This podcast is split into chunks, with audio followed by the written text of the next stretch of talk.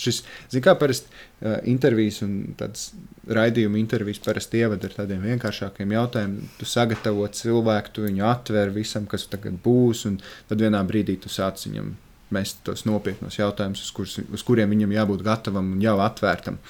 Uh, es tā nedaru. Okay. Tāpēc pirmais, uh, pirmais jautājums uh, varbūt ir smags, varbūt arī nē. Bet kas priekš tevis ir mīlestība? Es zināju, ka tas būs tas jautājums. Nu, redz. Es par to baigi domāju. Mm, viss, ko es izdomāju, ir tas, ka tā ir sajūta. Jo nevar īsti aprakstīt, tā vienkārši ir sajūta priekš manis.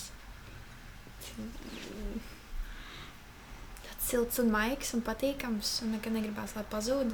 Mm -hmm. Tā ir sajūta. Tev, kad tu nonāci pie šīs atbildes? Šodien. Šodien. es to arī domāju, kas būs tas jautājums. Man jau tā arī likās, ka kas priekš tevis ir mīlestība. Un tad es sēdēju un domāju, kas ir mīlestība. Un tad es domāju par to, kas ir, kas ir bijušas manas spēcīgākās mīlestības manā dzīvē. Kas ir tāda visspilgtākā tā, tā pieredze vai viena no pirmajām lietām, kas nāk ar to prātā un sajūta. Tā, tas ir tas feelings, kas uznāk, kad tu jūties mīlēts, vai tu zini, ka tu esi tajā mīlestībā iekšā. Tāds, mm. Tev kādreiz ir tā, ka tā sajūta paliek arī nepatīkama, jo tu noraksturoji to kā siltu un negribās, lai tas iet prom. Nu, Protams, ko, nu, es šaubos, ka ir cilvēki, kuriem, ja, ja ir cilvēki, kuriem arī tā ir sajūta, ka viņi vienmēr ir tikai un vienīgi patīkami. Visam ir jābūt līdzsvarā.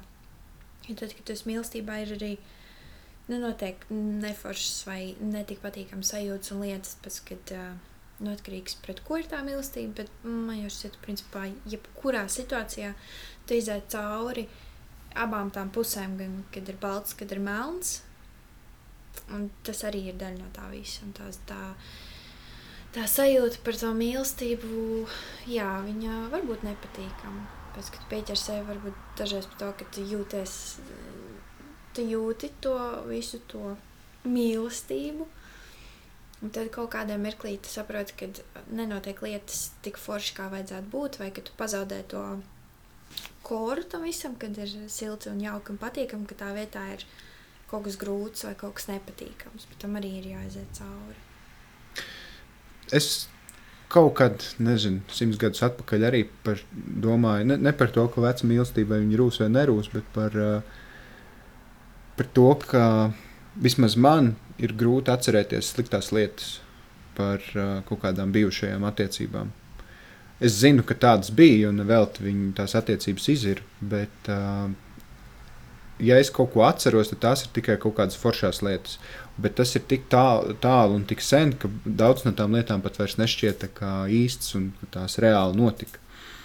Tam tu jūti kā to sajūtu, bet liekas, ka tas ir, ka tu viņu izdomā. Un varbūt es viņu arī tiešām izdomāju, varbūt es nemaz tā nejūtos. Nu, kaut kā savādāk es varbūt jutos tajā brīdī. Bet uh, tās mīlestības, lai cik lielas vai maziņas viņas nebūtu bijušas, ka vismaz es atceros tikai tās foršās, jaukās lietas, kas notikušas. Vai to, es nezinu, kā tos, vai to sauc par ļaunatminību. Es kaut kad sen atpakaļ, arī Nē. simts gadus atpakaļ dzirdēju tādu vārdu. Es esmu ļaunatminīgs cilvēks. Ok, Tā nav ļaunatminība. Nē, ļaunatminīgs man liekas, ir nevis skaistais operas, ir tad, kad. Uh, kaut gan nu, labi, mazums varbūt kā, kā to interpretē. Bet uh, es saprotu ļaunatminīgi ar to, ka tev var viss būt kārtībā, bet vat, tieši tajā mirklī, kad tev liekas, ka viss ir kārtībā, bet tev būs iespēja vat, iedzelt vai pateikt kaut ko rīktīgi sūdā, tas būs tas ļaunatminīgais. Ka tev viss būs rīktīgi nājas, pagājis varbūt kaut kāds laiks, nu kaut vai par draudzību, varbūt ne tieši par mīlestību un intīmu attiecību, vienkārši par draudzību. Mhm. Un tad tu atcerēsies to vienu vienīgo reizi, kurš tev notikusi pirms 5, 10, 15 gadiem. Tā ir ļaunatmanība. Mm. -hmm. Tieši tāpēc, ka tajā mirklī tā bija situācija, kur tev ir sāpinājusi līdz sirds dziļumiem, bet tu atcerēsies tajā brīdī tikai lai par viņu atgādinātu, iedzeltu un, un teikt, oh, bet Mm. mm. Tu biji loks un tu izdarīji tā un šitā. Un, Mm. mm. Jā, varbūt. Bet katram savādāk. Varbūt, jā. Es to interpretēju tā, ka mazāk caur rīcību, bet vairāk to, ka par spīti tam, ka bija forši, es joprojām atceros to, ka tu izdarīji tā un šitā. Man arī nav svarīgi, vai tas ir um, attiecības tādas vai attiecības mm. ar draugiem. Bet ā, es atceros, nu, to es laikam tā kā. Unresolved issues. Jā, jā, jā. jā, jā. Um, kā tev šķiet, arī moškas smagais jautājums, kā tev šķiet, kā tu mīli? Mans love language ir physical touch. Mm -hmm. To es zinu simtprocentīgi. Tur vispār nav nekādu jautājumu. Uh, bet kā es mīlu, man liekas, es mīlu smagi. Un es mīlu caur, caur uh, sevis nolikšanu malā. Jā. Tā ka tu smagi tu domā, tu atdod. Mm -hmm. Šī tā nevar pazaudēties. Es domāju, ka var, bet kaut kādā mirklī nu, atkarīgs no tā pa situāciju un kāda veida mīlestība. Bet, protams, ka tu pazaudē sevi. Vismaz kaut kādā mirklī tu atmiņos, ka klāsē šī tā neies uz priekšu. Mm -hmm. Tad tu, vismaz es sāku vairāk pievērst uzmanību sev, ko es gribu vai kā es skatos to situāciju. To, bet, bet tajā pašā laikā arī tad, kad tad, kad ir tāda tīra un, un tā sajūta un mīlestība, tad nav jau žēl. Man liekas, ka tu sevi pazaudē tādā situācijā, kad mīli cauri sevi, atdodot visu, ko tu vari. Tad, ja tu nedabū atpakaļ, varbūt, vai tu nesaņem to, to, ko tev šķiet, ka vajadzētu saņemt pretī. Mm -hmm. Kaut kā tā. Kaut kāda nenotiek kaut kāda enerģijas apmaiņa. Ja? Jā, kaut kādā pareizā līmenī, mm. vai tādā, kādā gribētos. Mīlu smagi un ļoti. es kādreiz sev pazaudēju mīlestības dēļ. Mm. Jā. Bet es nevaru pateikt, tas ir viennozīmīgi mīlestības dēļ. Pirmais, kas man uzreiz rezonē, nāk prātā, ir manas attiecības ar manu bioloģisko māti. Jo tā ir tā pirmā beznosacījuma mīlestība, vai vismaz tai vajadzētu būt, vai ne? Sort of. Nu, tur es sev pazaudēju, jā. Bet tas ir jāatrisināt pie terapeita. ļoti smagi um, sevi pazaudēt tādā, tādās vispār attiecībās ar kādu, kas būtu kā, nu, tādā vispār pieņemtā mīlestībā. Nē, vienmēr sevi saglabā un vismaz līdz šim ir izdevies, man liekas. Es nevarētu tā viennozīmīgi pateikt, ka jā, nu, ir bijis pilnīgi žē un par sevi ir aizmirsts. Nē. Hmm. Bet tāpat ir mīlēts smagi. Jā. un smagākā mīlestība. Ģenerāli es par to arī domāju, kā, nu, vispār, kas ir mīlestība, kādas ir bijušas manas mīlestības. Vispār es saprotu, ka pati, pati smagākā, tāda nu, vissāpīgākā mīlestība man bija pret manu, pret manu suni. Mm -hmm. Tur es atceros, trīs mēnešus pēc kārtas raudāju. Tāpēc, kad notika situācija, un, un es vairs nevarēju būt ar to dzīvnieku kopā, ļoti smagi Tā bija vis, vis tāda. Mm, negribas teikt, vistīrākā, bet uh, nu, kaut gan laikam, jā, the purest form of love you could get. Un tas bija pats sāpīgākais.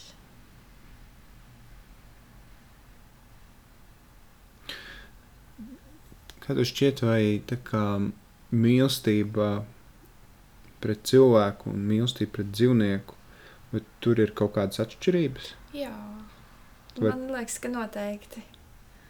Tās ir divas dažādas. Jo dzīvnieks te nekad nesniegs to, ko tev sniedz cilvēks.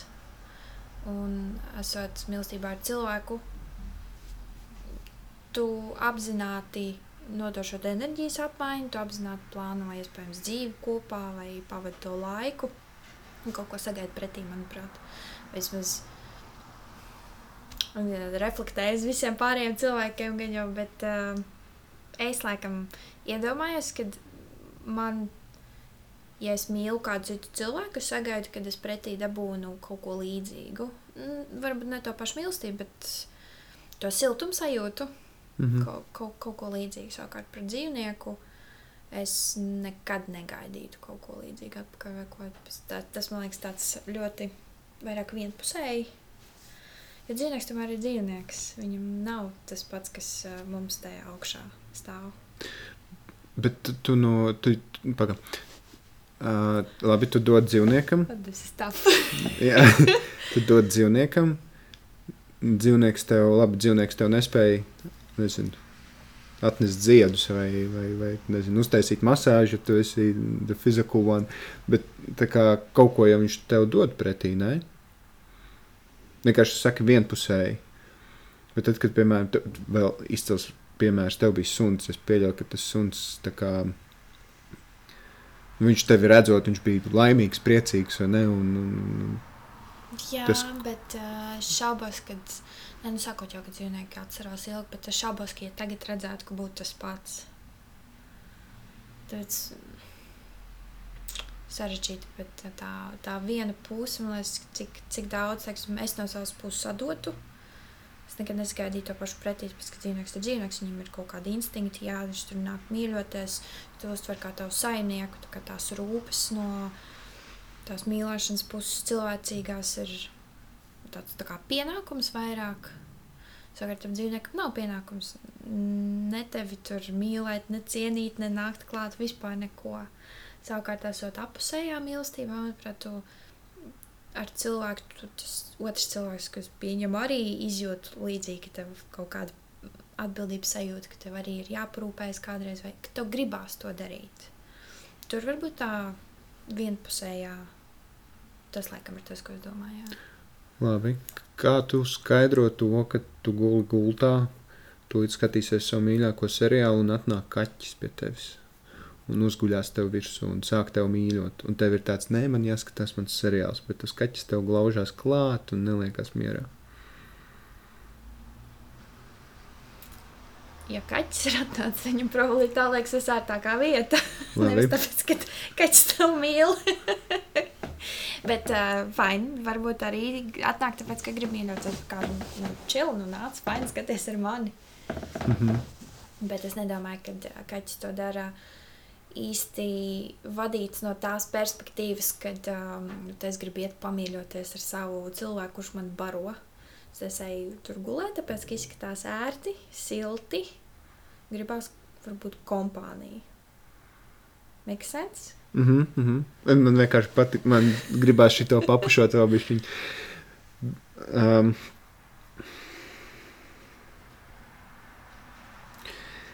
tad, kad tu runā par to došanu, un kad tu sniedz kaut ko otram cilvēkam, un tas otrs cilvēks tev sniedz kaut ko pretī, varbūt ne tieši to pašu, bet kaut, kādu, kaut ko citu. Tā ļoti vienkārši klausot, nu, ļoti vienkārši to visu sasumēt, liekas, ka tā ir tāda tā kā tirgošanās. Un tā kā, nu, Cik skarbi. es, es zinu, skarbi, sorry, bet vienkārši, lai, lai vieglāk to uztvert. Un, un tad, tad, kad tu centies tirgoties, jā, pēdiņās tirgoties ar suni vai ar, vai ar kaķi, tad uh, viņi tev tā kā nevar dot to pašu produktu atpakaļ. Gan jā, gan nē. Jo es to neredzu kā tirgošanos. Es saprotu, kurā vietā tas izklausās kā tirgošanās. Jā, jā, jā bet tas, tas, tā nav tirgošanās. Vienkārši, lai Jā. mēs vieglāk par šo varētu parunāt. Jo tirgošanās. Tad, kad tu mīli, tu dod neko negaidot atpakaļ. Bet tad, kad tas ir apusēji, tā tirgošanās notiek dabiski. Mhm. Pret dzīvnieku tur tu hoķi ieskrienēs nekad nebūs, manuprāt. Tas, nu, tas pats. Es, es nezinu. Vai, vai tev šķiet, ka tas. Uh,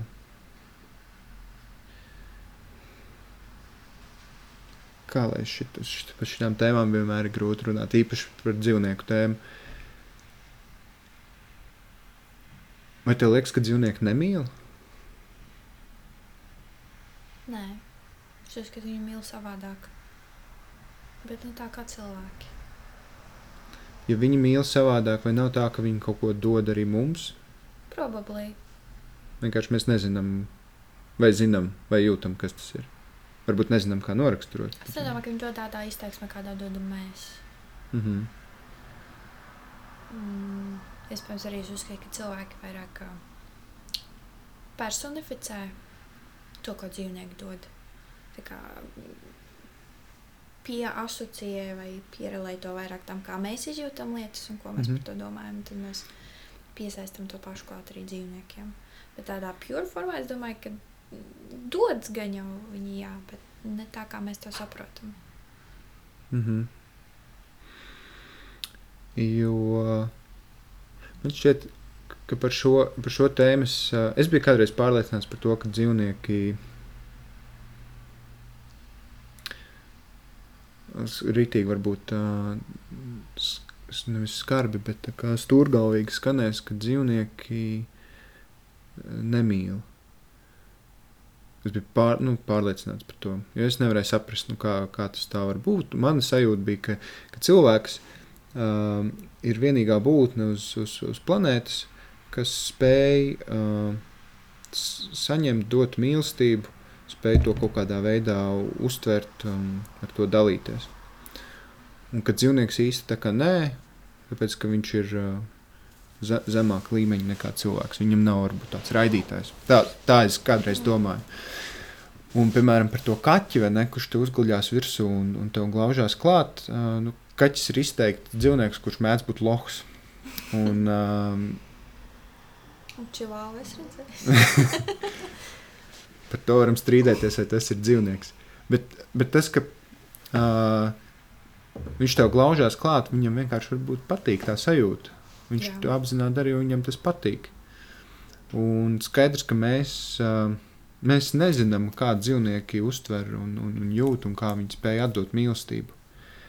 Bet tad, kad tu pieglaudies kādam citam klāt, tev jau arī patīk tā pieglaušanās sajūta. Bet tur ir arī sava daļa mīlestības. Man šķiet, ka tu glaudies kādam klāt. Tāpat kā kaķis. Un varbūt tu nedod, bet varbūt tu gribi saņemt tagad mīlestību. Tu gribi, lai tev ieliek azotē, lai tev pakas galviņa, lai tev pakas aiz auss. Probably, bet es laikam tāpatās palieku pie tā, ka, uh, viņi mīl savādāk. Un gan to pieglāšanos mēs jau spoguļojam, nu, nu, vai gribam redzēt, vai mm. piešķirt uh, tam kaķim viņa rīcībai, tāpēc, kad mēs zinām, ka mēs kā cilvēki tā rīkotos mm. -hmm. pārsvarā. Jo mēs jau nevaram viņiem paprasīt, ko tu ar to domā. Jā, Mums mēs kaut, bet mums kaut kā jāpaskaidro, tas ir priekš sevis, vismaz Mhm. kā tas ir domāts. Nu, ok, tad tu ļoti ilgi laik domāji, ka Nē, Nemīl. bet es esmu pilnīgi pārliecināts par to, ka vienkārši tā ir mīlestība. Mēs vienkārši nesaprotam, ā, kāda. Un mēs tik bieži nesaprotam par sevi un par to, kas ir mīlestība priekš mums un, un kā vispār ar šo milzīgo enerģiju, vai kas tas vispār ir, kā ar to strādāt un kā pašiem justies tajā visā. Un, uh, kur nu vēl par dzīvniekiem, kuriem mēs pat nevaram pajautāt īsti, mm, nu, vai tu zini, kas ir mīlestība. Un es esmu pārliecināts, ka viņi varbūt viņi nezina, kas ir mīlestība un nevar paskaidrot. Tāpēc, ka viņi arī nezina, kas ir skābeklis. Nu, tā, tā, tādā ziņā. Bet viņi turpina elpot, turpina dot un saņemt mīlestību. point, jā. Jā, tā kā es, man šo tēmu patīk papušot, tāpēc, ka mums, mēs dzīvojam uz vienas planētas ar vēl entām, entām dzīvām būtnēm, kuras uh, no kaut kāda racionāla skatu punkta ir zemāks par mums. Bet uh, šo jautājumu par mīlestību mēs, mēs ne, ne, nezinām vispār, ko, ko par to pateikt un kā par, kā par to runāt, kad ir runa par dzīvniekiem. Jo mēs nevaram, mēs nezinām. Un, uh, tas tā kā runāt nezinu, par Dievu. Nu, parāda, ka man parāda, pierāda, ka viņš ir. Uh, es nevaru, nu tā tad viņš nav. Nu, labi, tad pierāda, ka viņš nav. Nu, mēs tā kā nevaram to zināt. Bet tur kaut, kaut kas tajā visā, kaut kas tajā visā. ir. Kaut kas jau ir, protams, jau es esmu kāzās parasti un visādos mīlestāstos uh, lieku gulbi, gulbi tie ir, vai ne tie? Tur ir gan gūbi, gan, gan dūjas. Nē, dūs, nē, gulbi tie ar Mhm. tiem skaistiem kakliem, ak, tie ir šausmas kalns nācis, kā gulbi sauc. Jo viņi meklējot savu pārnieku uz visu mūžu, Mhm. mēs kā cilvēki arī to saprotam kā kaut kādu veidu mīlestību, vai ne? Ir viens pārnieks uz visu mūžu, kāds paralēls jau tajā, tajā ir, bet varbūt gulbiem tā patiesībā nav mīlestība. Tas ir vienkārši instinktīvi tāds, ka rekursus viens ir jau, jo atrast kādu citu atkal aizņems miljonus gadus. mm -hmm. Viņiem tā ir uh, instinktos jāreproducējas, jāatstāj sevis kaut kas un jādzīvo savu dzīvi tādā veidā. Savu. Ļoti diskutabli. Ļoti. Par šo te instinktu runājot, kā tev šķiet, cik daudz Cik daudz cilvēks vadās pēc instinkta un cik pēc mīlestības? Es domāju, ka mīlestība savā ziņā kaut, kaut kur nu, ne pjori instinkts, bet nu, dabiski. Tas ir jau mēs visi gribam būt, būt mīlēti un sajust to silto sajūtu, ka tu esi drošībā, ka tu esi pasargāts, ka, tu, ka par tevi kāds rūpējas, kādam esi svarīgs. Tas ir mm. mīlestība zem lielā lieta sarga arī tiem cilvēkiem, kuriem liekas, ka, kuri varbūt ir uh, aromantiski vai aseksuāli, kuriem tas vispār nešķiet uh, relatīvs, like at all, kaut kāda veida tā vēlme vai instinkts jau tur ir iekšā. Viņš ir savādāks varbūt nekā ir klasiskā izteiksme, kas ir mīlestība, bet kaut kāds jau viņš tur ir iekšā. Kā tev liekas, kur cilvēks iemācās mīlestību? Un kā?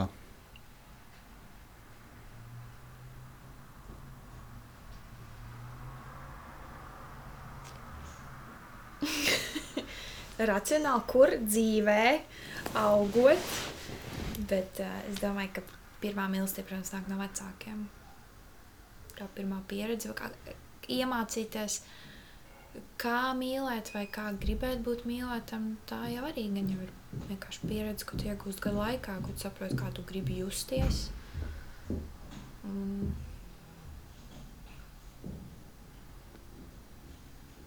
Tu audz, pieredzi lietas, un tad tu saproti, ko tev tas nozīmē. Nu, vai katram cilvēkam individuāli kas tas ir.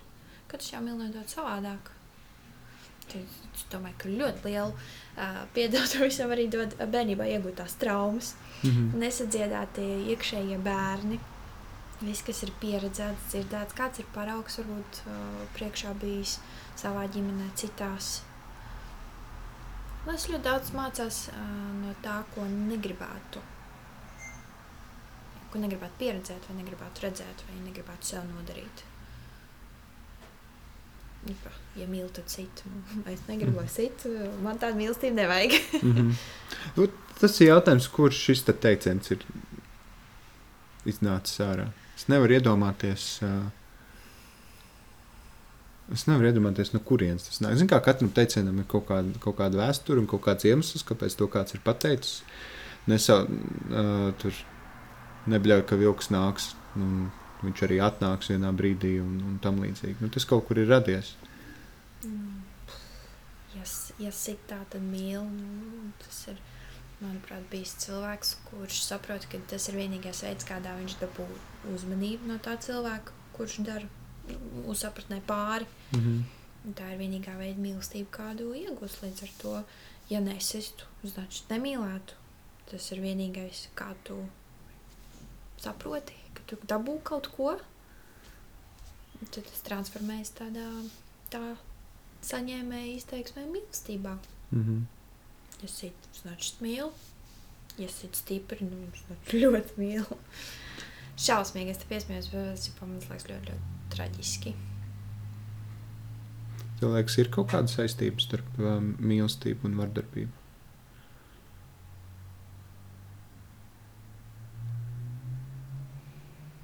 Baigi kontroversiāli jautājums.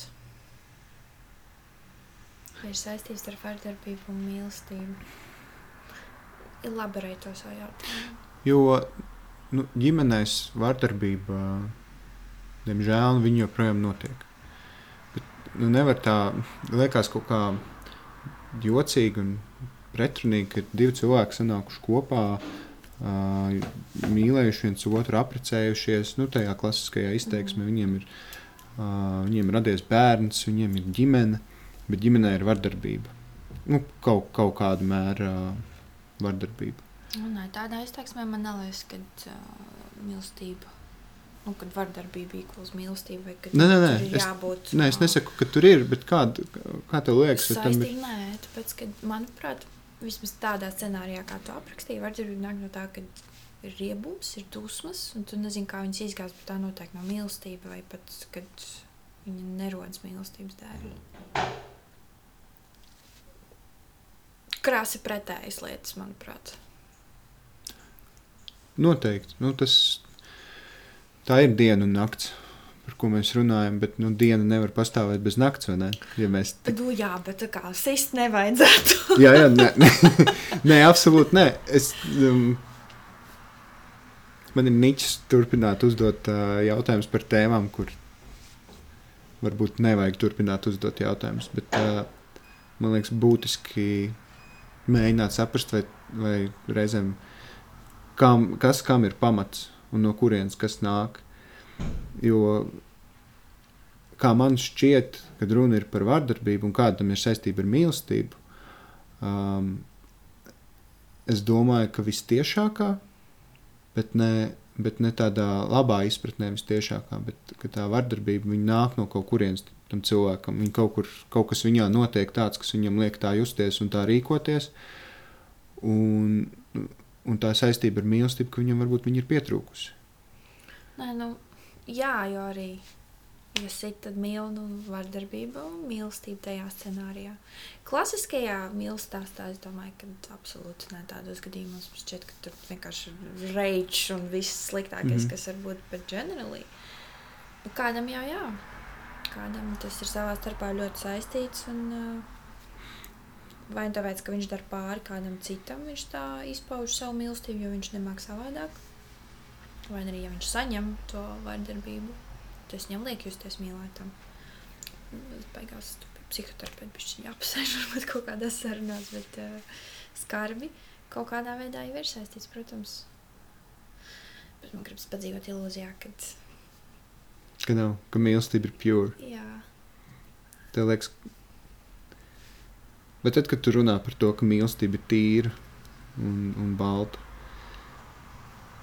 kā tev liekas, vai tajā, tu tā domā pareizi? man gribētu. Tev tā gribētu domāt. Bet tad, kad tu saki, ka tev tā gribētu domāt, tu jūti, ka tev ir kaut kāds naivums par to savu vēlmi, ka tā ir.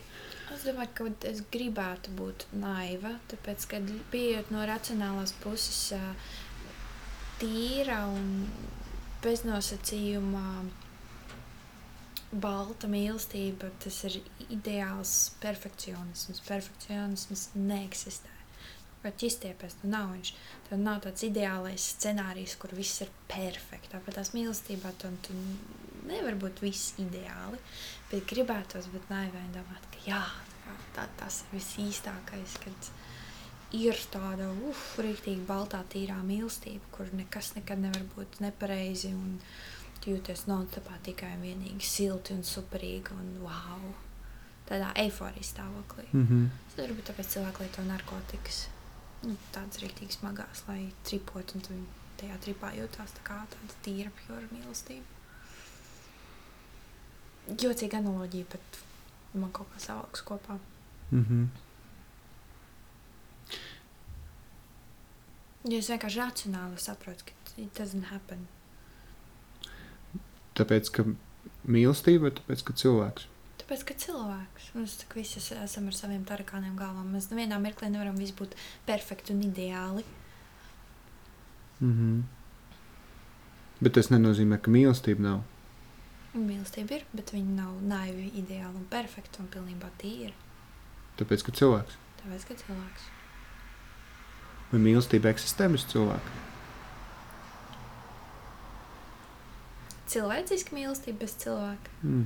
Vienkārši, jā, protams, dzīvniekiem ir gan jau sava veida mīlestība, ko mēs varētu mm, īstraktēt kā mīlestību. Bet, uh, who knows, varbūt arī nē. Varbūt tas tiešām ir tikai mums, kā cilvēkiem, dots par to domāt. Vai just kaut kādā instinkta līmenī, gribēt to.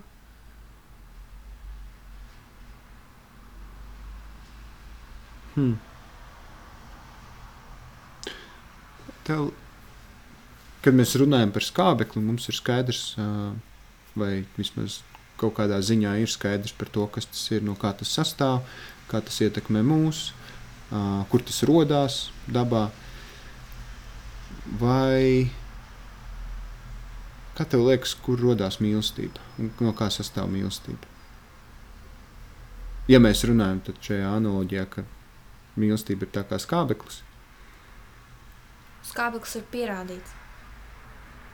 Mīlestība ir pierādīta. Es neatrastu to skolā, liekas, nemācīju.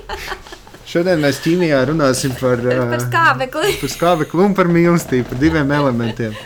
Viens nav ierakstīts tabulā. Jā. Nezinu, kas tas tā mīlestība. Tas, tas ļoti filozofisks jautājums. Katram tas būs kaut kas cits. Es jau tev neprasu, lai tu man tagad pasaki, kā ir. Es tev prasu, kā tu domā. Nezinu, kā es domāju. Man jau gribās uzreiz teikt, ka, ja nebūtu cilvēki, tad nebūtu tādas mīlestības.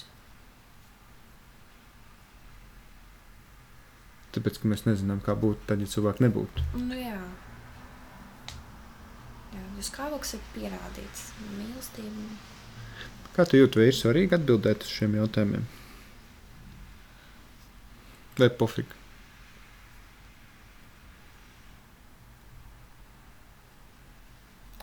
Šajā sarunā vai vispār? Vispār.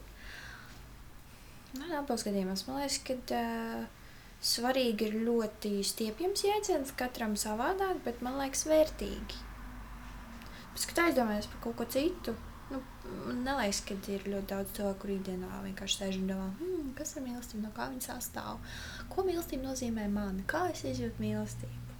Es nezinu, vai ir svarīgi atbildēt uz jautājumiem, bet ir noteikti vērtīgi pašam sev kaut ko tādu paprasīt un pasēdēt, pafilozofēt, ko tas viss nozīmē.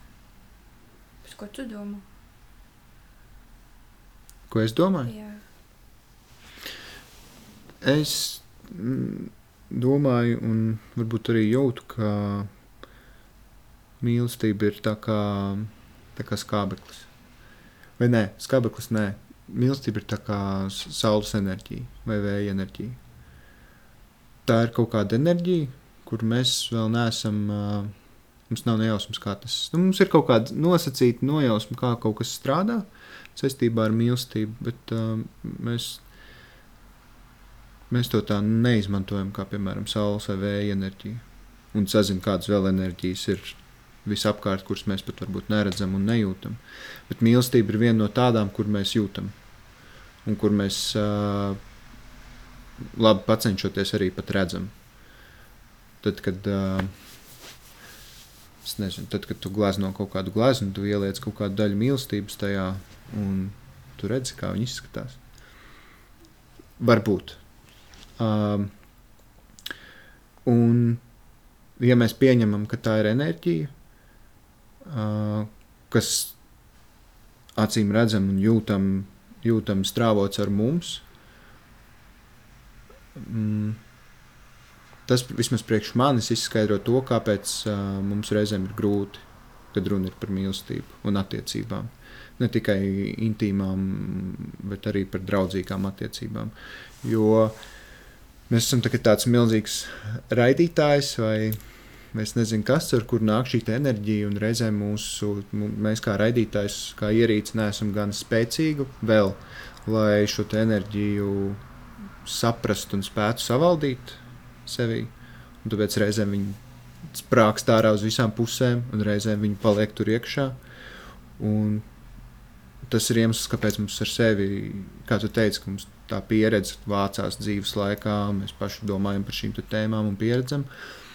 Un, un tas ir tas, kā mēs sevi kā to ierīci visu laiku attīstam un apdeitojam un pieliekam kaut ko klāt. Un, un vairāk saprotam par to, kā šai enerģijai caur mums plūst, lai mēs viņu varētu ielikt ne tikai savstarpējās attiecībās, bet ielikt arī savā darbā vai, vai vienalga, jebkur citur. Attiekties pret citiem, vai pret lietām, vai pret dzīvniekiem, pret planētu, paši pret sevi. Jo tā arī ir. Mums ir šī burvīgā ierīce, kurai ir šis milzīgais dators iekšā. Un, Un tas prasa arī kaut kādu savu mīlestību, kā šo visu kopt un turēt uh, formā un turēt labi gatavu visam, kas ap mums notiek šīs planētas un šajā dzīvē. un tas varbūt kaut kādā ziņā, tā kā varbūt, es nezinu, vai nonievā mīlestību līdz tādam enerģijas līmenim, jo gal galā mums nav ne jausmas, kas ir šis. Mums ir kaut kāda nojausma, bet lielā, lielo bildi mēs tik un tā nezinām par to, kas tas ir. Un varbūt tas kaut kādā veidā nonievā sakot, ka nu, tā ir tāda enerģija vienkārši. Jo mēs labi zinām, ka to nevar gluži pielīdzināt saules enerģijai. Jo saules enerģiju tu savā dzīvē, nu, tu jūti, ka saule spīd virsū, bet tev ir tāds, ne. Galvenais uh, karstā dienā uzlikt savu krēmu virsū un neapdedzināties. Mm. Vienkārši tāpēc, ka mēs to mīlestības enerģiju izjūtam krietni spēcīgāk vai prātīgāk reizēm un jūkam prātā viņas dēļ un darām lietas, kuras, kuras mēs varbūt nedarītu, ja tā enerģija ar mums neplūst. Un es nezinu, kā to visu kā, aprakstīt un ieteikt racionālā kā, formā, kā tur, piemēram, atomos un visā tajā ķīmijas padarīšanā, kuras nesaprotu. Bet kaut kas tajā visā ir un uz to pusi, manuprāt. Un, ja mēs to iemācāmies ar to strādāt, ar šo enerģiju, tad brīnišķīgas lietas var notikt. Nu, skaisti. Nu, ska... nu, tas tāds ļoti, nu, es nezinu, kā ir. Vai es domāju, neviens no mums nezina, kā ir. Bet tāpat es arī nezinu, kā saules enerģija strādā. Un daži zina. Bet vai viņi tiešām zina visu par to, kā viņi strādā? Vienmēr ir pastāvējis ka mēs tomēr dzīvojam simulācijā. Tas viss ir fake. Tas, Jā, tas, tas visu rītīgi atvieglot. tas visu rītīgi atvieglot. Bet es domāju, ka mēs uh, ar katru, kad mēs runājam par mīlestību un runājam par attiecībām un mēģinam uzdot šos te varbūt reizēm rītīgi muļķīgos jautājumus par to, kā tev liekas, vai mīlestībai ir saistība ar vardarbību vai nezinu Kā tev liekas, vai kaķis mīl tāpat kā es mīlu savu partneri, vai kaķis man mīl tāpat?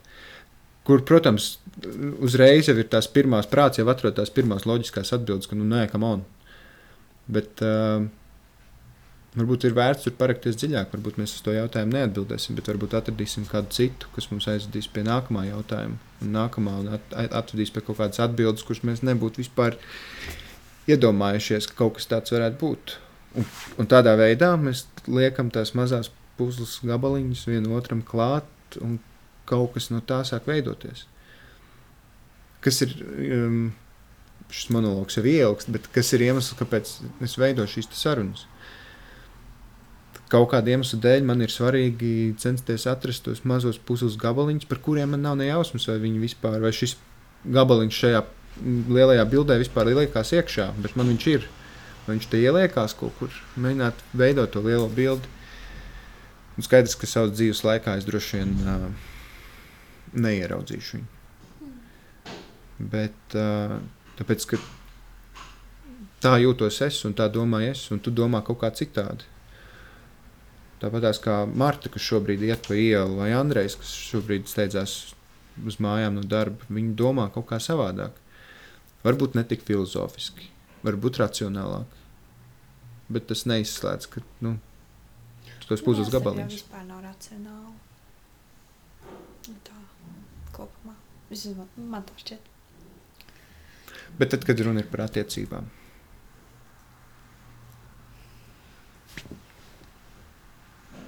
vai attiecības ir racionālas? Es domāju, ka jā. Tā ir klasiskā izteiksme tu jau meklē, nu, cilvēki meklē konekšanu vai nu, tā saucamo partneri. Okay, nu, tu vari būt mīlestība, bet nevar, var arī nebūt partneris. Ļoti daudz dažādu opciju. Generally, klasiski skatoties, runājot attiecības, manuprāt, ir racionāls, jā, ja tu apzināti pieņem lēmumu, e, būt kopā ar to cilvēku, pavadīt ar viņu laiku, kā būt attiecībās. Diezgan racionāli savu daļu, protams, tur diktē arī vienkārši sajūtas un mīlestība un, un, un tā enerģijas apmaiņa. Bet uh, mīlestība pat par sevi, manuprāt, nav racionāla attiecības. Jā, lielākoties klasiskā izteiksme. Ko tu domā ar klasiskā izteiksmē? Vīrietis, sieviete. Tad tajā Bērni. skaistajā bildē, kur tu,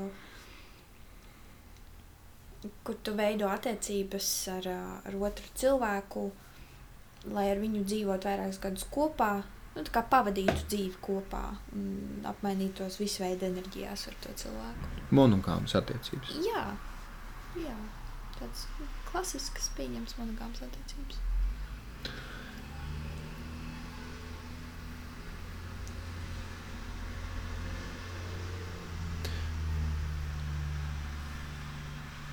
Tu esi klasisku attiecību piekritēji vai uh, Ko tu domā ar klasisku? tā kā monogāmas vai kā, kā tu jūti? Jā, es esmu ļoti monogāms cilvēks. Priekš sevis. Es nevarētu būt uh, citu veidu attiecībās. Nu, teiksim, tādām klasiska mīlestības veida mm. -hmm. attiecību bildē, jā, es esmu monogāms cilvēks. Bet es saprotu citus, kuriem ir savādāk. Un... Kā tev liekas, vai tas ir tā kā.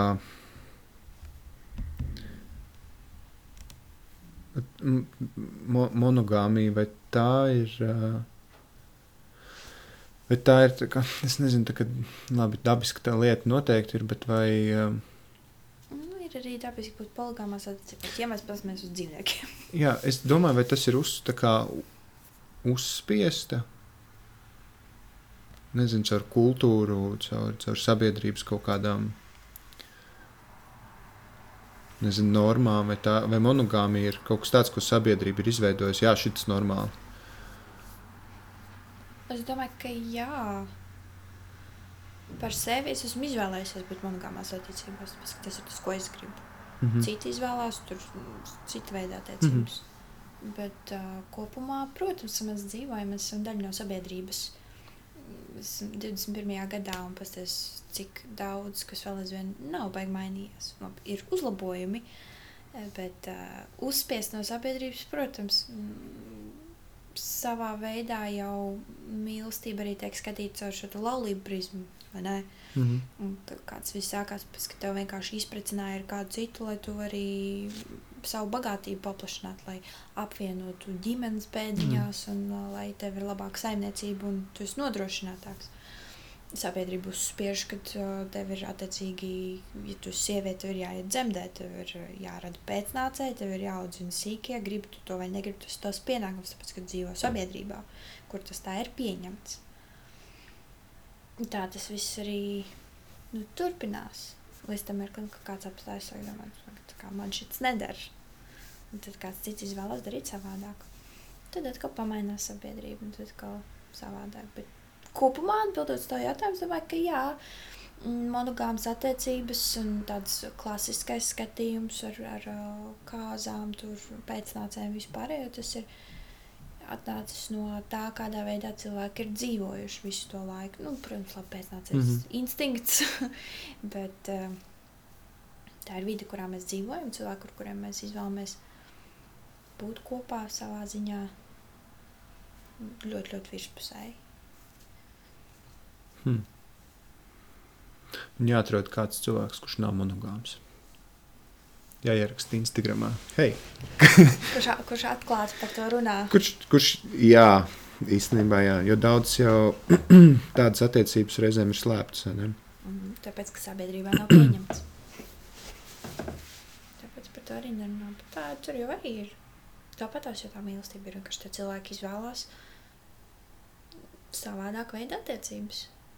Kas ir racionāli, instinktīvi, varbūt vadīti. Jā, jo mīlestība jau. Nu, mēs jau ar mīlestību spējam dalīties ar vairākiem cilvēkiem. Nevienmēr runa ir par intīmām attiecībām, bet nu, kaut vai. Tad, kad tev ir partneris, tad jau nav jau tā, ka tu savus draugus vairs nemīli. Viņus tāpat mīli. Visādi situācijas Jā. ir. Protams, jā. Bet, uh, jā. Vispārējo nekur nepazūd. Ideālajā scenārijā. Kā tu jūti, kā tu mīli? Nezinu, cilvēks, kas nav tavs partneris. Vai tu jūti, ka tu viņus mīli? Jo tad, kad, kādam, tad, kad kādam ir jāpasaka, es tevi mīlu, Tad tā ir frāze, ko tu parasti saki savai vai nu ģimenes locekļiem, vai, vai savam partnerim, vai tas ir vīrs vai sieva, vai, vai draudzene vai draugs. Vai kā tu mīli savus draugus, kas nav partneri?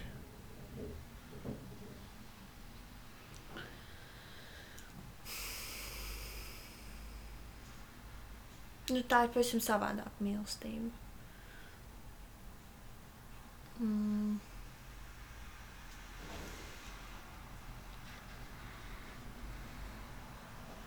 Kā es mīlu savus draugus.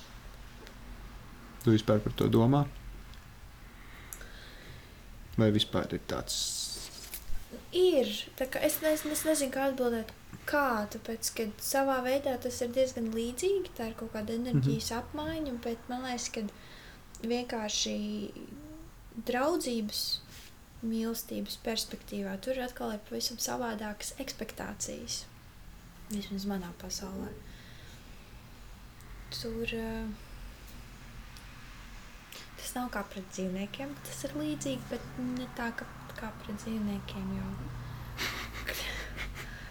Es savus mīlu, es savus draugus mīlu tāpat kā kā dzīvniekus. sunī. Jā, nu, nē, izklausās šausmīgi. Līdzīgi tāpēc, ka tā ekspektācija pret uh, dabisko saņemšanu atpakaļ vai enerģijas apmaiņa ir savādāka. Mhm. Nesmaidi. Liekas, ka savu kapu roku vienkārši ārā. Nē, tas ir vienkārši izcili. tā Kā, kā es mīlu savus draugus? Nu, tā, kaut kas līdzīgs tā kā pret dzīvniekiem. Bet kas ir rītīgi krūti, jo tas nozīmē, ka, ka prāts cenšas tā kā saprast šīs tas, nu kā, nu pagaid, bet nav tāpat kā Tāpēc, tas. ka ir, ir starpība, ir. Es zinu, kurā mirklī, teiksim, es uh, sapratu, ka es mīlu savus draugus. Tajā mirklī, kad man nav žēl tā kā pārkāpt kaut kam pāri sev, ko es nu, vienkārši tādā prastā, nevar teikt, prastā, prastā izklausās briesmīgi. Nav tas, ko es domāju. Tādā vienkāršā, parastā, nu, nepadziļinātā draudzībā, teiksim, paziņas kaut kas tāds, tas nekad neiet kaut ko darīt. Savukārt, tad, kad ir jau labākas tās draudzīgās attiecības, nu, kad tajā mirklī, kad visas, tā, es to nekad nedarītu, bet vat tevis dēļ, tāpēc, ka es tevi mīlu kā draugu, es aiziešu un izdarīšu. Whatever, kas fine tev vajag, es aiziešu izdarīšu.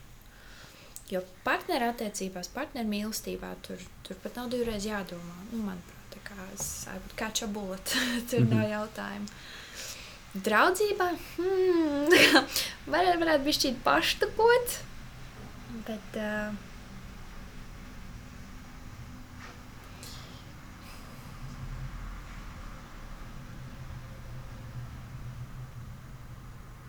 Baigi daudz par ko padomāt. Es nevaru atbildēt, kā. Es zinu, kurā mirklī es mīlu dra savus draugus, bet es nezinu, kā. Jo es nevaru pateikt, ka es mīlu tāpat kā kaut kādu nu, partneru attiecības un tādu mīlestību. Tas pavisam savādāk. Piecas mīlestības valodas. Man tā grāmata stāv uz galda, es viņu vēl neesmu izlasījis. Es pat testiņu online. Vai tu neesi lasījis grāmatu? Nē, es Nē. izpildīju testu online. Okay. Bet es pēc tam arī tādu bišķīt padziļinātāku, nu, padziļināk, padziļinātāku virspusēju research uztaisīju, kā palasīt bišķi vairāk grāmatu. Es neesmu lasījis, nē. Mhm. Es esmu loks, es nelasu grāmatas. Mhm. Es uh, kādreiz bērnībā es lasīju šausmīgi daudz. Bet tad atnāca uh, filmas un iespēja nokačāt seriāls un vispārējais, un tas man cepīja krietni vairāk Mm -hmm. nekā grāmatas. Bet, uh,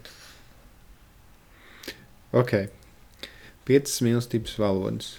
Tu zini, ka, tev, ka tu esi pieskārienu mīlētāji. Fizi fizikā Fi- taču, jā, jā. Nu, fiziskā jā. tuvība, pieskārienā. tas ir mans lielākais.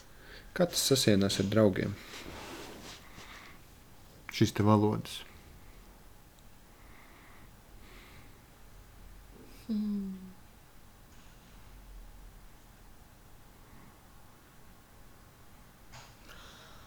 Nu, pret draugiem nav, nu, man nav tā, tā pati vēlme. Pēc draugiem es, es nejūtos mīlēt, ja es, man teiksim, ir uh, samīļots draugs. Mm -mm. Visam savādāk. Kaut kādā veidā, nu, tu, Es domāju, ka manā situācijā es gūstu pozitīvas emocijas. Teiksim, es satieku savus draugus, samīļojies, un, un tu, tur pasit pa plēci, pasaki, viss kārtībā, vai tur pat tur rociņa, kaut kas ir noticis. Tā. Jā, bet tā ir tāda ļoti nevainīga, nebūs pareizais vārds.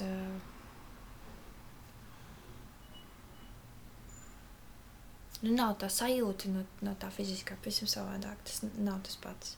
Mm -hmm. tādā, tādās mīlestības klasiskās iz, emocijās un izjūtā, nu, tu, tur jā, tur. Tas ir pavisam savādāk, ka tev, ka tev samīļo, ka tev pieskarās un tev paglaud galviņu, ja tu bučiņu kaut ko tādu. Pavisam savādāk. No draugiem nevajag. Nē, tā ir tas.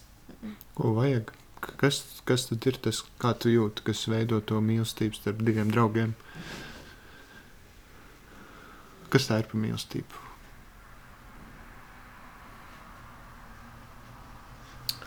Tā ir neromantiska, neseksuāla, platoniska mīlestība. Makes sense, vai ne? Wow. Um, Tad, tad mēs ā, ļoti ā, mēs zinām par šīm piecām mīlestības valodām. Kad mēs par tām domājam, mēs domājam par saviem partneriem, kas, ā, kas ir intīmi. Mēs gribam zināt, kas ir tās valodas, kurās mēs runājam. Ir ļoti labi uzzināt, kas ir tās valodas, kurās runā mūsu partneris. Tad mēs sākam tās valodas saprast, iemācīties un pielietot. Bet tad, paga, bet, tas, bet ir taču vēl mīlestība arī pret draugiem. jā, bet redz, tā, man nešķiet, ka katram cilvēkam ir tikai viena mīlestības valoda. Tev ir kaut kāda Jā. viena, kas ir vislielākā, dominējošā, mm -hmm. un tad tev, mm, man liekas, arī tajā testiņā bija, ka ir kaut kāda atzarojuma vai procentuāli kaut kas tev, nu, otrās, trešās pakāpes arī mīlestības valodas. Bet pret draugiem mm, man kaifu vienkārši sagādā kaut ko uzdāvināts. Man, es esmu dāvanu cilvēks, tur vienkārši urā. Tad, ja man būtu jārunā mīlestības valodās, tad pret draugiem tā mīlestības valoda ir pilnīgi dāvināšana. Tur vispār nu, pff, hands down. Kā, o, iespēja kaut ko uzdāvināt. Davai. Davai. Bet intīmais partneris. Nu, tur dominē tā pirmā spēcīgākā Un, un dāvanas, kur paliek. Viņas arī tur ir, bet ja man ir jāsalīdzina, Mhm. kāda ir vienkārši draudzība, mīlestība pret draugiem, un kāda ir pret uh, būšanu romantiskās attiecībās, dominē pavisam citas lietas. Jā. Kā tu jūti no, no taviem draugiem? Vai ir kādās mīlestības valodās tavi draugi runā ar tevi? Vai ir kāda no tām piecām? Hmm. Par šo es nekad neesmu domājusi.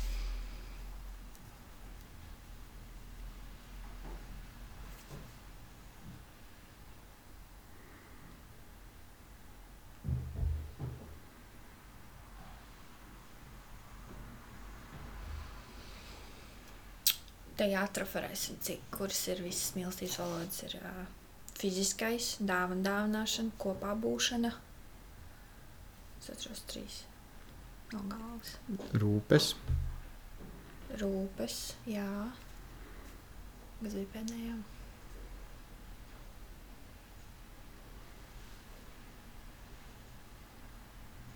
fiziskais, rūpes, kopā pavadītais laiks, dāvanas, vārdi. Hmm. Jā, tad es no saviem draugiem saņemu vārdus.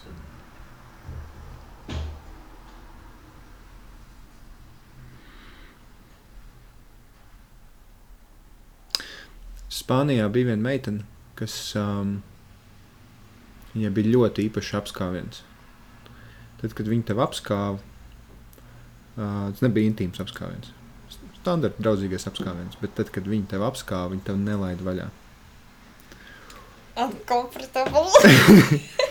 Jā, tad, kad tu, to, kad, tad, kad tu saņem tādu apskāvienu, pirmo reizi ir ļoti nērti. mm -hmm. Jo ir cilvēki, kas apskaujās ilgi, un nu, tu jau zini klasiskos uh, veidus, kā, kā pateikt, it's enough. Nu, kad vai nu pap, okay, papliķēt jau ir ļo- ļoti rūpīgi, bet kad tu paberzē roku un, un tas, ir rupi. nu, man liekas, ka, man liekas, ka jā, ka tas ir tāds, nu, ja ir ilgs apskāviens un tu jau tā kā papliķē, tas jau ir tāds, nē, man liekas, viss pietiek. Nē, bet tad, kad tu apskaujies ātri un papliķē, tad tas ir tāds, yeah! Mēs jau runājam par ilgo. anyway, man liekas, es nezinu, varbūt arī nav priekš manis. Mans tas tāds ir. Un, uh, un, uh, bet viņa nelaiž, uh, nelaiž cilvēku vaļā. Un tas ir standarta apskāviens no viņas puses.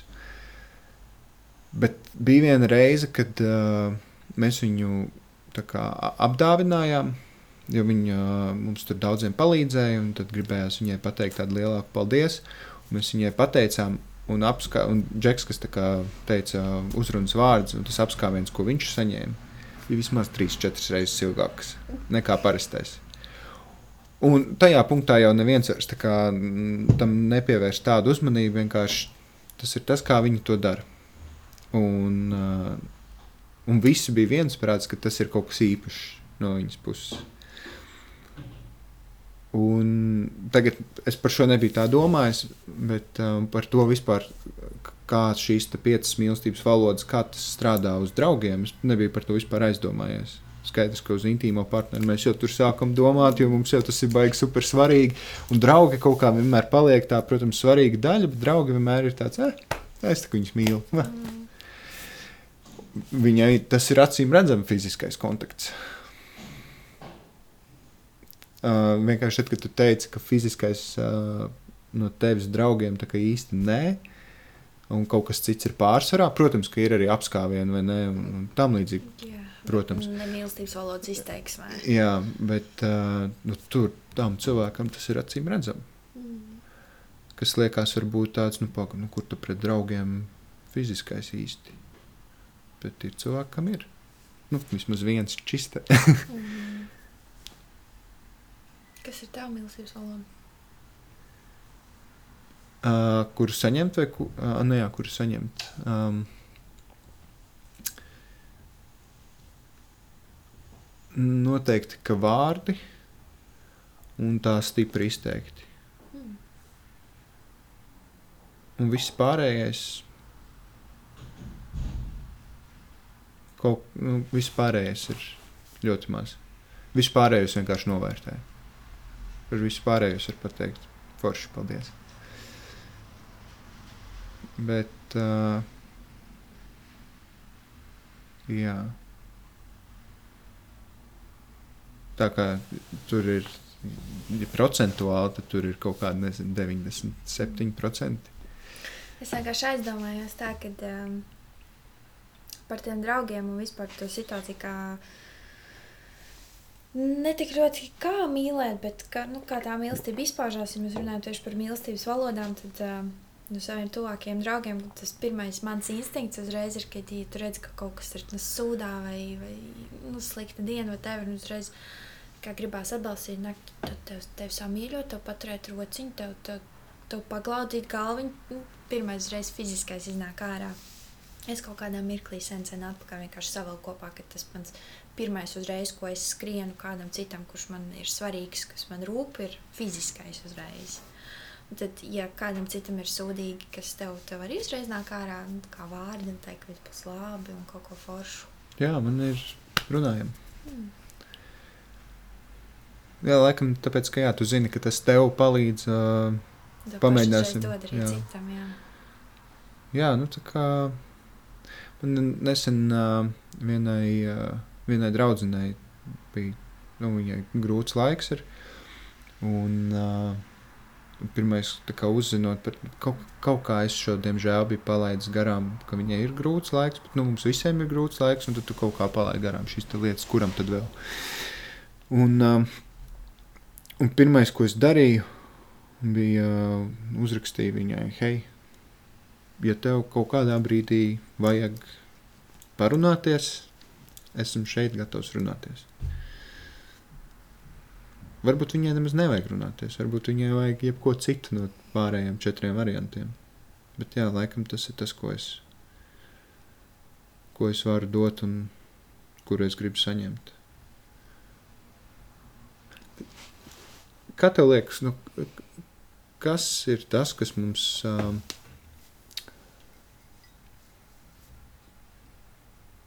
kur mēs iemācāmies tās valodas? Tā kā, Ar savām bērnības traumām. jā, tas nāk no turienes. Nu, Es droši vien. domāju, ka liela daļa noteikti, noteikti. Noteikti, bet no genes reflektēja no sevis. Jo kaut kur tas ieliekās. Nu, nevar būt. Um, tas nav tā, ka haļāvā pilnīgi. Tam ir kaut kāda sakne. Noteikti, jā. Es domāju, ka daudz kas nāk no bērnības, tam, ko mēs esam izgājuši cauri. Man pārsvarā bērnībā kliedz virsū, līdz ar to varbūt tāpēc man tā kā vārdi ir viss. Tu negribi runāties vispār. Jā. Jā, es ļoti maz runāju. Nu, ģenerāli, tiešām ļoti maz es runāju.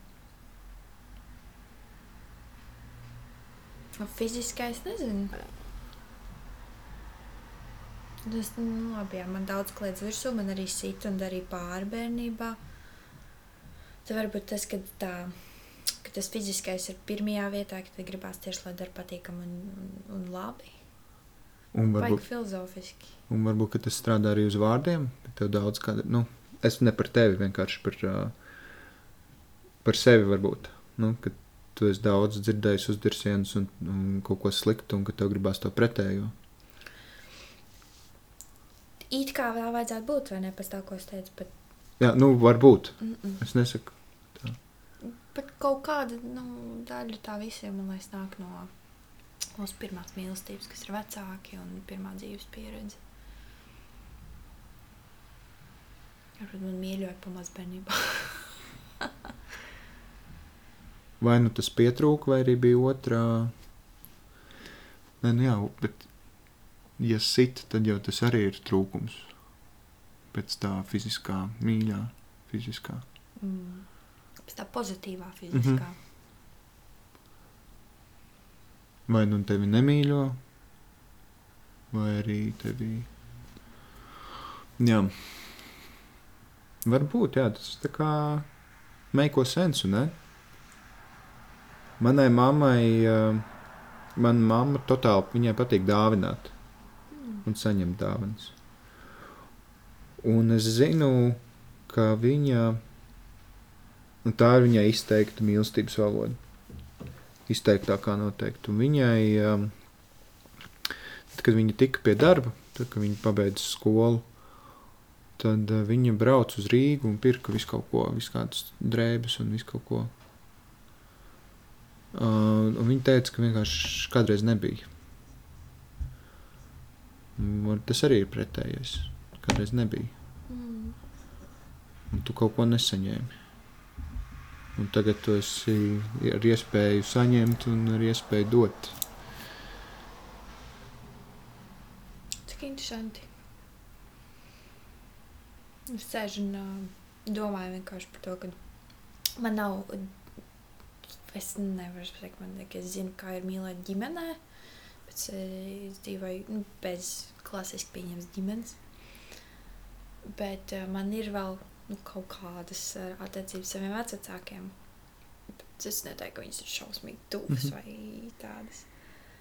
Bet tad, kad ir iespēja kaut ko uzdāvināt, vai tas- tas ir momentā pirmais, par ko es domāju, vai kaut ko vajag atrast, vai kaut ko var uzdāvināt, kaut kas trūks, kaut ko vajag.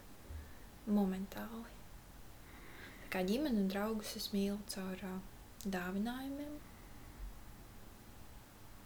Draugiem vēl varbūt kopā būšana. Nu, Vismaz no manas puses. Ar mani draugi, ko es tā ja es domāju, ir tas, kad ir vārdi. Es atkal dodu caur dāvanām un būšanu ar viņiem.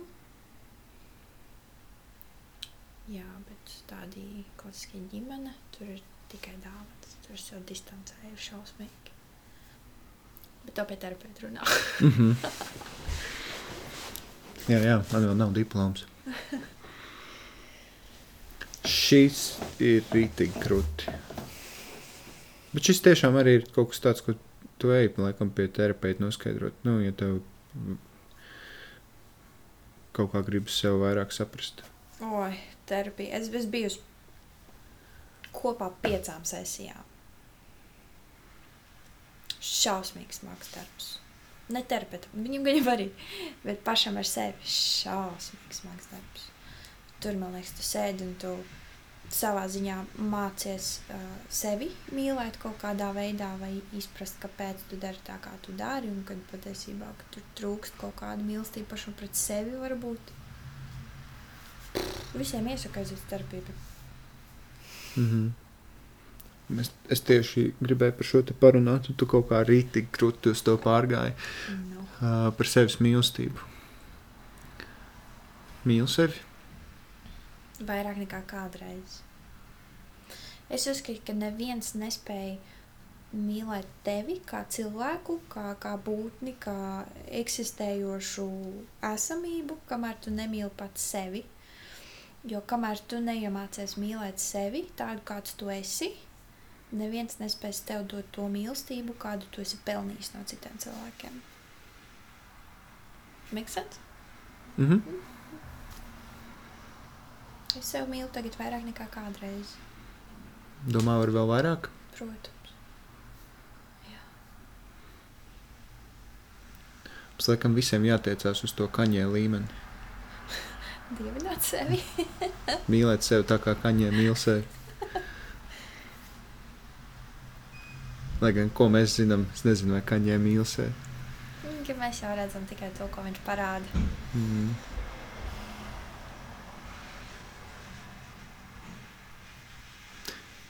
Kas ir tie, vai kas ir bijuši tie tavi soļi, lai tu sevi mīlētu?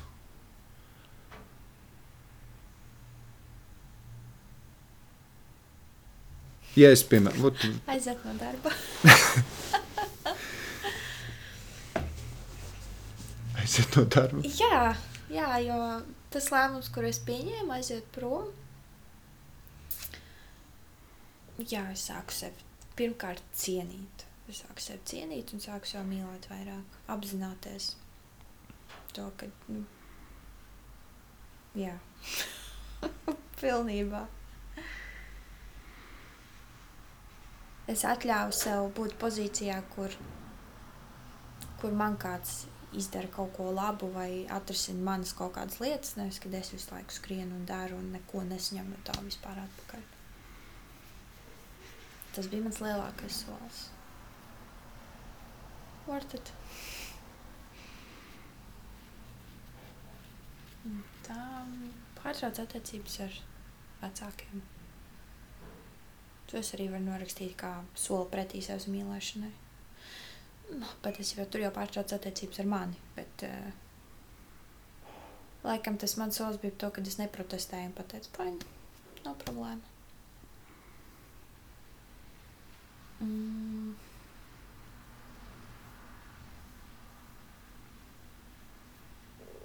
Tās ir tās divas lielākās lietas, kas nāk prātā. Oh, bet sevi es arī mīlu caur dāvanām. Pilnībā. Jā, caur dāvanām un caur rūpēm. Tāpēc, tad, kad viss ir sūdā, es sev atļaujos nopirkt kaut ko ekstra dārgu. Mm -hmm. Jā, darbā iepriekšējā arī tā, tā bija. Kad, tad, kad tur bija viens, viens gads, man pēdējais gads bija šausmīgs smags. Nu, priekš man šausmīgs smags. Tāds ik pa diviem mēnešiem vienkārši tur oh, tur mm, MacBooks, nice, pusotru štuka, kā nebijusi. Mm. oh, tas ir fancy kurps, pff, easy, nav nekāda problēma. Oh, vajag šitā, ejam pakaļ, nav problēma. Un tad es nomainīju darbu. Domāju, oh, jāiziet, cik sev jāpilsta, jāpērk jaunu somu skaistu, kur ielikt jauno datoru. Tas, tas pa dārgs, tas man nepatīk, to nē, labāk, labāk tur ēst pasūtīt. Mm, nē, šito atkal nē. Vispār nevarēju vairs. Tāpēc, ka es vairs nebiju tādā stresā, tajā visu laiku zemajā līmenī. Tas man pārgāja. Bet tik līdz ir sūdīgi, tā gribās sevi iepriecināt, pasūtīt kaut ko garšīgu ēst, un tas jau pamīļot vairāk, tad par ko dārgāku spēli, kaut ko tādu. Es par sevi rūpējos caur sevis apdāvināšanu un iepriecināšanu. Bet agentā iepriecināšana ir atļauties kaut ko tādu, ko tev gribās. Tur es uzskatu, ka katru dienu esmu pelnījis, tur 40 gabaletes sushi. Jā. Mm -hmm. Bet, generally, Tas arī smags darbs mīlēt sevi. Tas ir people pleasers. Vieglāk ir pievērst uzmanību citiem. Vai tik tā nav lielākajai daļai no mums? Empātiem, jā. Ah, jā. Mm. Jo tas man liekas, ir rītīgi. Tev nav jādīlo ar tām lietām, kas ir tevī. Tev ir tāds. Te es esmu, ko tev vajag, ko tev vajag, kā ar tevi. Līdz tā pašam paliek grūti, un tu nevari. Parādi man, nu, es neesmu atradusi tādu cilvēku, parādi man kaut vienu cilvēku, kurš nav people pleasers, kurš nav tas, kurš iet telpā un var nolasīt katru cilvēku pēc viņa enerģijas vai to, kā viņš jūtās. Un tas nāk no tā, ka mēs bērnībā esam bijuši, tā tiktu kā stāstījā, mēs bijuši bērnībā tik daudzās situācijās, ka mēs esam iemācījušies nolasīt pārējo cilvēku sejas izteiksmes, ķermeņa valodu, ā, enerģiju, kādu viņi izstaro, lai mēs zinātu, ko darīt, lai tie cilvēki vairs nejustos nu, vēl sūdīgāk, vai lai mēs viņiem netraucētu ar savu klātbūtni. Tas, protams, ka parāda man kaut vienu cilvēku, kurš labāk kā empāts dīlos ar savām problēmām, nekā aizies un izliksies, ka viss, man nekas neeksistē. Reku, tu, tu, tu gribēji ēst, tev atnest kafiju, tēju, tev kaut kas trūkst. Kā tev palīdzēt? Iedomājies kaut vienu cilvēku. Izskatās, ka nē.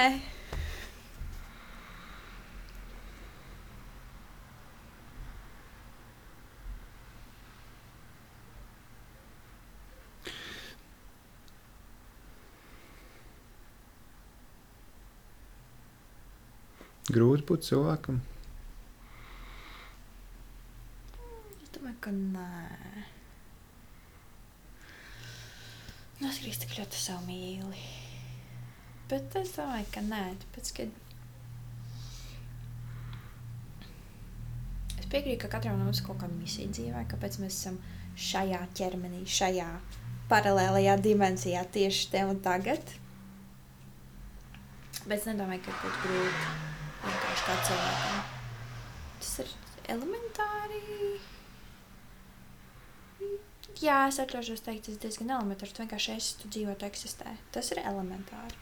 Grūtāk ir nodrošināt sev labus apstākļus, mīlēt sevi, rūpēties, padomāt par apkārtējo vidi, dalīties ar tām emocijām, ar kādu citu, izvēlēties būt ar kādu kopā. Bet būt vienkārši cilvēkam, easy, peasy, lemon squeezy. Tā jau, man liekas, ir vienkārši eksistēt.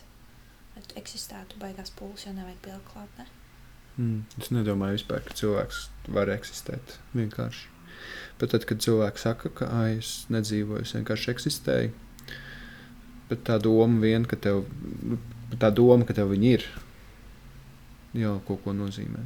Cilvēks nevar eksistēt. Viņš nevar tā kā medūze vienkārši būt.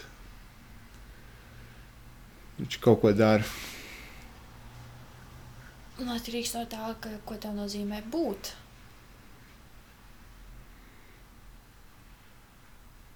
Mēs šobrīd, manā izteiksmē, vienkārši esam. Mm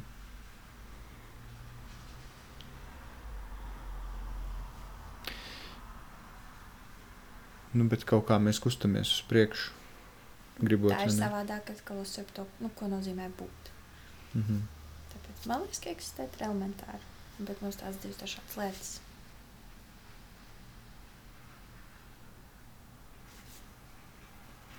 Tā nu mēs esam. Mm. Um, vai tev ir kaut kas tāds, ko tu gribētu pateikt vai pajautāt? Jā, es gribu te paprasīt, ko- kas ir top lieta, kur tu no visām šīm sarunām esi iemācījies priekš sevis.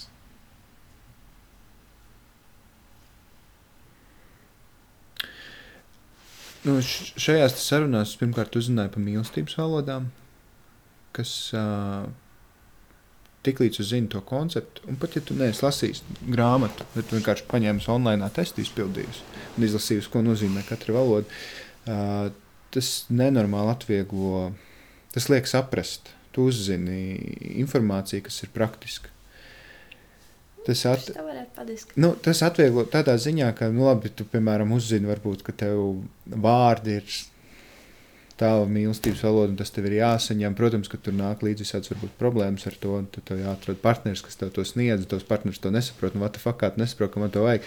Tur sākās problēmas. Bet tas palīdz saprast, uh, ko tu pats gribi no otra cilvēka, palīdz saprast, ko otrs cilvēks grib no tevis. Un līdz ar to palīdz saprast, vai, mums, vai mēs varam pielāgoties viens otram, vai nevaram. Vai es varu iemācīties to valodu, vai es nevaru. Vai tas cilvēks man nozīmē tik daudz, lai es iemācītos to valodu, vai es jūtu tā, ka es esmu gatavs mācīties tagad spāniski vai itāliski, vai nē. Un tā, man liekas, priekš manis, tā nav top lieta. Es nezinu, kā viņas sarunāt prioritātēs, bet tā ir viena no noteikti nozīmīgākajām lietām, kuras kaut kādā sarunā dzirdēju. Man bija tāds, oh, kas tas ir, man bija tāds pēc tam, wow, šis palīdz. Bet, kā jau es teicu, tur nāk līdzi vēl visādas ķibeles tam. Jā, man tā gribētos padiskutēt. Ja drīkst tev pārāk. Mēs varam neieslēgt diskusijā. Varam, bet, varam. Uh, vai, nu vai man ne... Tiklīdz mēs uzliekam zīmogu, ka tā ir tava mana cita cilvēka mīlestības valoda, mm -hmm. mēs automātiski atļaujam sev neiedziļināties plašāk man ir novērtējis, ka uh, es saprotu savu partneru mīlestības valodu. Mēs lieliski ar to operējam. Nu, tur ir fini. Bet tajā pašā laikā es vienkārši iedomājos, ka ir situācijas, kurās varbūt kāds nav apmierināts ar esošo situāciju. Tad, jūs esat klasisko ģimeni, ja tur ir vīrs un sieva. Vēl klasiskāka, stereotipiskāka sieva neapmierināta ar vīru. Vai kaut, nu, kaut ko gribu un ne, nedabū no tā. Mm -hmm no sava tā izvēlētā partnera vīra. Un, bet vīram ir savādāk mīlestības valoda. Mēs uzliekam zīmogu, un tā sieva uzreiz sāk domāt, nu jā, bet ko, ko es no viņa prasu? Viņam tā tā mīlestības valoda savādāk. Viņš vienkārši nesaprot, viņš nemāk. Varbūt viņš nu, arī nu, nespējas tā, kā man vajag, tāpēc ka viņa mīlestības valoda ir pavisam savādāk, un tas ir fine. Un, man liekas, mēs sev ieliekam uzreiz tādā rāmītī par to, ka, ok, ir, kur tev ir zīmogs uz pirkstu, saproti, jā, ir vieglāk, bet, manuprāt, krietni vieglāk ir tāpēc, ka tev vairs, tu atļauj savai smadzenē vairs neiedziļināties, kāpēc te ir tā, kā ir, vai kāpēc netiek ieguldīts papildus efforts, kā darīt kaut ko savādāk. Ja ir piecas milzīgas valodas, nu, kāpēc tu neatrod vēl sesto, vai kāpēc tas, ko tu varbūt kādreiz nedabū, esot attiecībās, nu, tur nepaiet iekšā tajā zīmogā, what the fuck. Un es domāju, tāpēc liekas, ka ir viegli, viegli vai nu, vienkāršāk. Mēs jau ieliekam rāmī, kur mēs jūtamies komfortabli, ļoti ērti, un it all makes sense. Mm, jā, nu, tā, tā ir viena no tām ķibelēm, par kurām es arī domāju. Nu, tas nāk līdzi. Mm Bet katra jauna informācija, ko mēs uzzinām, nes sev līdzi arī kaut ko tādu, ko mēs nemaz negribējām uzzināt. Nu, ka, mm. Kas ir ārpus tā rāmja. Nezinu, tur kaut vai vēja enerģija skan forši. Bet cik mums jāpatērē resursi, lai dabūtu to vēja enerģiju, nu nāk mm. visādi šādas lietas līdzi. Uh, bet tā tik un tā ir informācija. Un tad no katra paša mums ir atkarīgs. Vai mēs viņu izmantojam tik vienkārši, vai mēs viņu izmantojam vēl plašāk nekā varbūt viņa sākotnēji ir paredzēta. Piemēram, kad tu saki, ka ir tas rāmis par to neiedziļināšanos un ka ir tas zīmoks virsū, nu, tas ir viens veids, kā izmantot. Bet tomēr ir labi tāpat laikā arī zināt, ka ir tādas mīlestības valodas. Vienkārši jautājums, tu, kā tu tagad šo informāciju izmantosi? Mm. Kā tas palīdzēs tev, kā tavam partnerim un jums vispār kopā? Un tad jau nāk iekšā tas, kāds tu esi cilvēks un, un, un cik tu esi gatavs pielāgoties, cik tu esi gatavs ieguldīties, cik tev ir kapacitāte, cik tu esi gatavs sevi pamainīt uz vienu vai otru pusi un viss tā pārējā šņaga, kas mums katram ir pilnīgi atšķirīga. Tad pat laikā jau nav jau, oblig, nu, nav jau obligāti zināt šo. Varbūt priekš... Bet ir vieglāk iezīt. Bet ir vieglāk iezīt, it kā. Bet uh, mīlestībai ir rītīgi pofīgi. Viņa tik un tā plūst.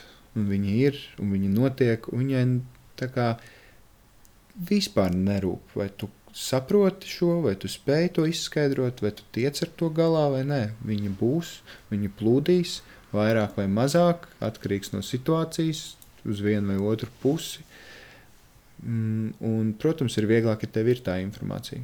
Kāda dīlot ar šo lietu, kuru mēs bieži uztveram kā kaut ko ļoti pašsaprotamu, tāpēc ka Holivudas kino viņi rāda kaut ko, ko tik ļoti pašsaprotamu. Un tas ir ok, jo tā ir daļa no mīlestības.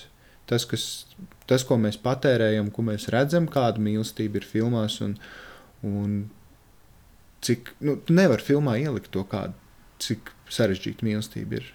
Reizēm nevar ielikt. Cilvēks var nesaprast.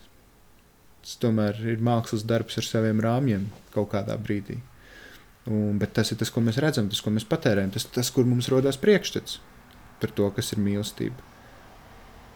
Bet neapzināti mums arī rodas priekšstats mūsu ģimenē, kas ir mīlestība. Nu, smadzenes ir jocīgi padarīšana, ne? Bet, uh, bet tā ir informācija. Man šķiet, ka tās atbildes uz tiem svarīgajiem jautājumiem nu, ir mūsos pašos vai ka, kas ir mīlestība, kāda ir mīlestība, kā ir viņa. Galu galā, kāds uzrakstīja to grāmatu par piecām mīlestības valodām, kāds ieguldīja labu daļu savas dzīves, lai tiktu līdz šādam konceptam, līdz šādai informācijai. Un tas nav tas, ko tu vienkārši nezini, skolā tev kāds pasaka, vai ģimenē tev kāds pastāsta. Ja ķīmisko sastāvu. mm. Tas ir tas, pie kā mums ir jānonāk. Un es nesaku, ka mums ir jāizdomā, jāsaprot, kādas, kas ir mīlestība, no kā viņa sastāv un kā tā enerģija vispār darbojas. Gan jau, ka mūsu vienkārši tas, kāda mēs esam šobrīd, mēs nevaram pavilkt varbūt, to informāciju. Un, kā jau teicu, mīlestībai pofīgi, vai mēs varam vai nevaram, viņa būs. Um, un ir forši, ka mēs, nezinu, ik pa gadam vismaz izdomājam, kā ar šo visu dīlot. Jo viņi nekur nepaliks tāpat kā skābeklis visu laiku būs. Un tu vari elpot arī nepareizi. Ir tāda lieta. Jā, tu esi lokālajās nodarbībās nu, nepareizi, varbūt tā, varbūt nepareizi skan nepareizi, bet uh, varbūt ne tik efektīvi. Jā. Jep. Un, jā. Tāpēc es redzu, kur ir informācijā, ko mēs dabūjam, ne tikai par mīlestību runājot, ir savi lielie plusi ir ar savu mīnusu, tāpēc mēs esam tik sarežģīti. Reizēm arī ļoti vienkārši viss ir, bet mēs tomēr esam sarežģītas būtnes. Un tad ir uh, kaut kā mums ar šo visu jāoperē visu laiku. Tough life. Tough and beautiful one. At the same time, visam jābūt balansā. Vai vēl kas? Mums vēl ir laiks. Man gribās te paprasīt, kas ir skumjākais, varbūt, ko tas nu, atskārtis visu šo sarunu laikā. Bet uh, mīlestība ir tāds kā aizlieta. Tiešām skumjas, kaut kas tāds. Tā ir skumjākā lieta, ko es esmu atskārtis. Mīlestība, mīlestība. nav. Saules enerģija brīnišķīga, ne? Mm.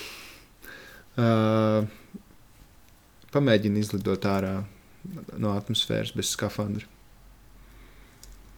Un tad tu jūties saules enerģiju visbriesmīgākajā izpausmē par tevi, kāda vien viņa var būt. Un mīlestība ir pofīga, kā jau es teicu. Tā, šeit, tā enerģija, man liekas, nav. Ziniet, kā mēs dievam visu laiku piešķiram kaut kādu apziņu un kaut kādu prātu, un ka viņš kaut kā lemj par lietām un tam līdzīgi. Man liekas, ka mīlestība nav tāda. Mīlestība nav personificējama. Tā ir tiešām enerģija, ar kuru um, kura mums var nodarīt pāri, un mēs to esam jutuši savā dzīvē. Un skumjā lieta, ko es esmu atskārts, ka tā vienkārši ir daļa no mīlestības.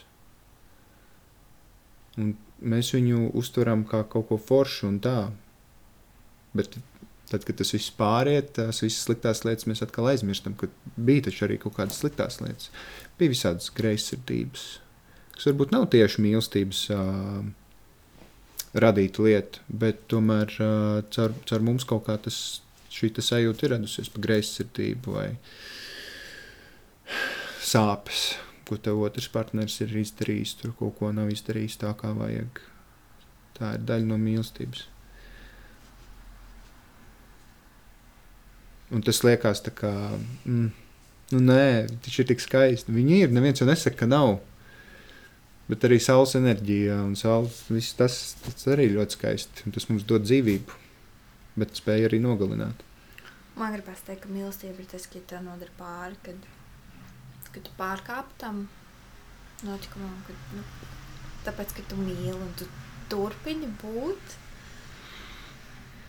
Bet tad tik un tā atgriežas pie tā, ka, jā, ka mīlestība ir sāpīga, tāpēc, kad tu esi nodarījis pāri sev.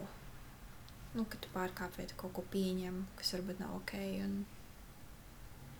Jā, eh, labi, jā, mīlestība ir sāpīga. Fine. Ne, ne, Fine. ne, ne, viņa tādā pat laikā, kā, bet, kad, nu, mēs vienkārši sāpes uztveram kā kaut ko sliktu. jā, jo mums, Mums sāp, nav ir- kinki un jā, Jā. ok, fine. Jā, tas tā kā sāpes kā kaut kas slikts vai, vai skumjs, kā kaut kas, nu, protams, ka mēs to tā uztveram. Tāpat laikā tā ir daļa no dzīves, tāpat kā daļa no dzīves ir nāve. Un mēs arī nāvi uztveram kā kaut ko sliktu, bet tas ir. This shit happens. Viss ir tik relatīvs. Un, un, un skaidrs, ka mēs par to jūtamies sūdīgi. Es saprotu, no kurienes tas nāk, bet tough life and beautiful one at the same time. Un uh, jā, tas, tad, kad es šo atskārtu, tu nevari pieredzēt uh, dzīvē mīlestību, nepieredzot arī sāpes, ko tas nodara. Mm, Ko tā nodara? Tāpēc, tā ir daļa no. Un caur tām sāpēm un arī tām nepatīkamajām situācijām tu daudz ko iemācies gan par sevi, gan par uh, savu partneri reizēm, gan vispār par attiecībām, gan par to, kā vispār strādāt ar šo visu tēmu, ko par mīlestību sauc. Man vairs jautājumu nav. Un man vēl ir rītīgi daudz. Mm. Jā, bet paldies. Nešaus vairs ārā. Nē. Ir kaut kāds punkts, kad uh, nevajag vairāk. Par tu. Whenever you're ready.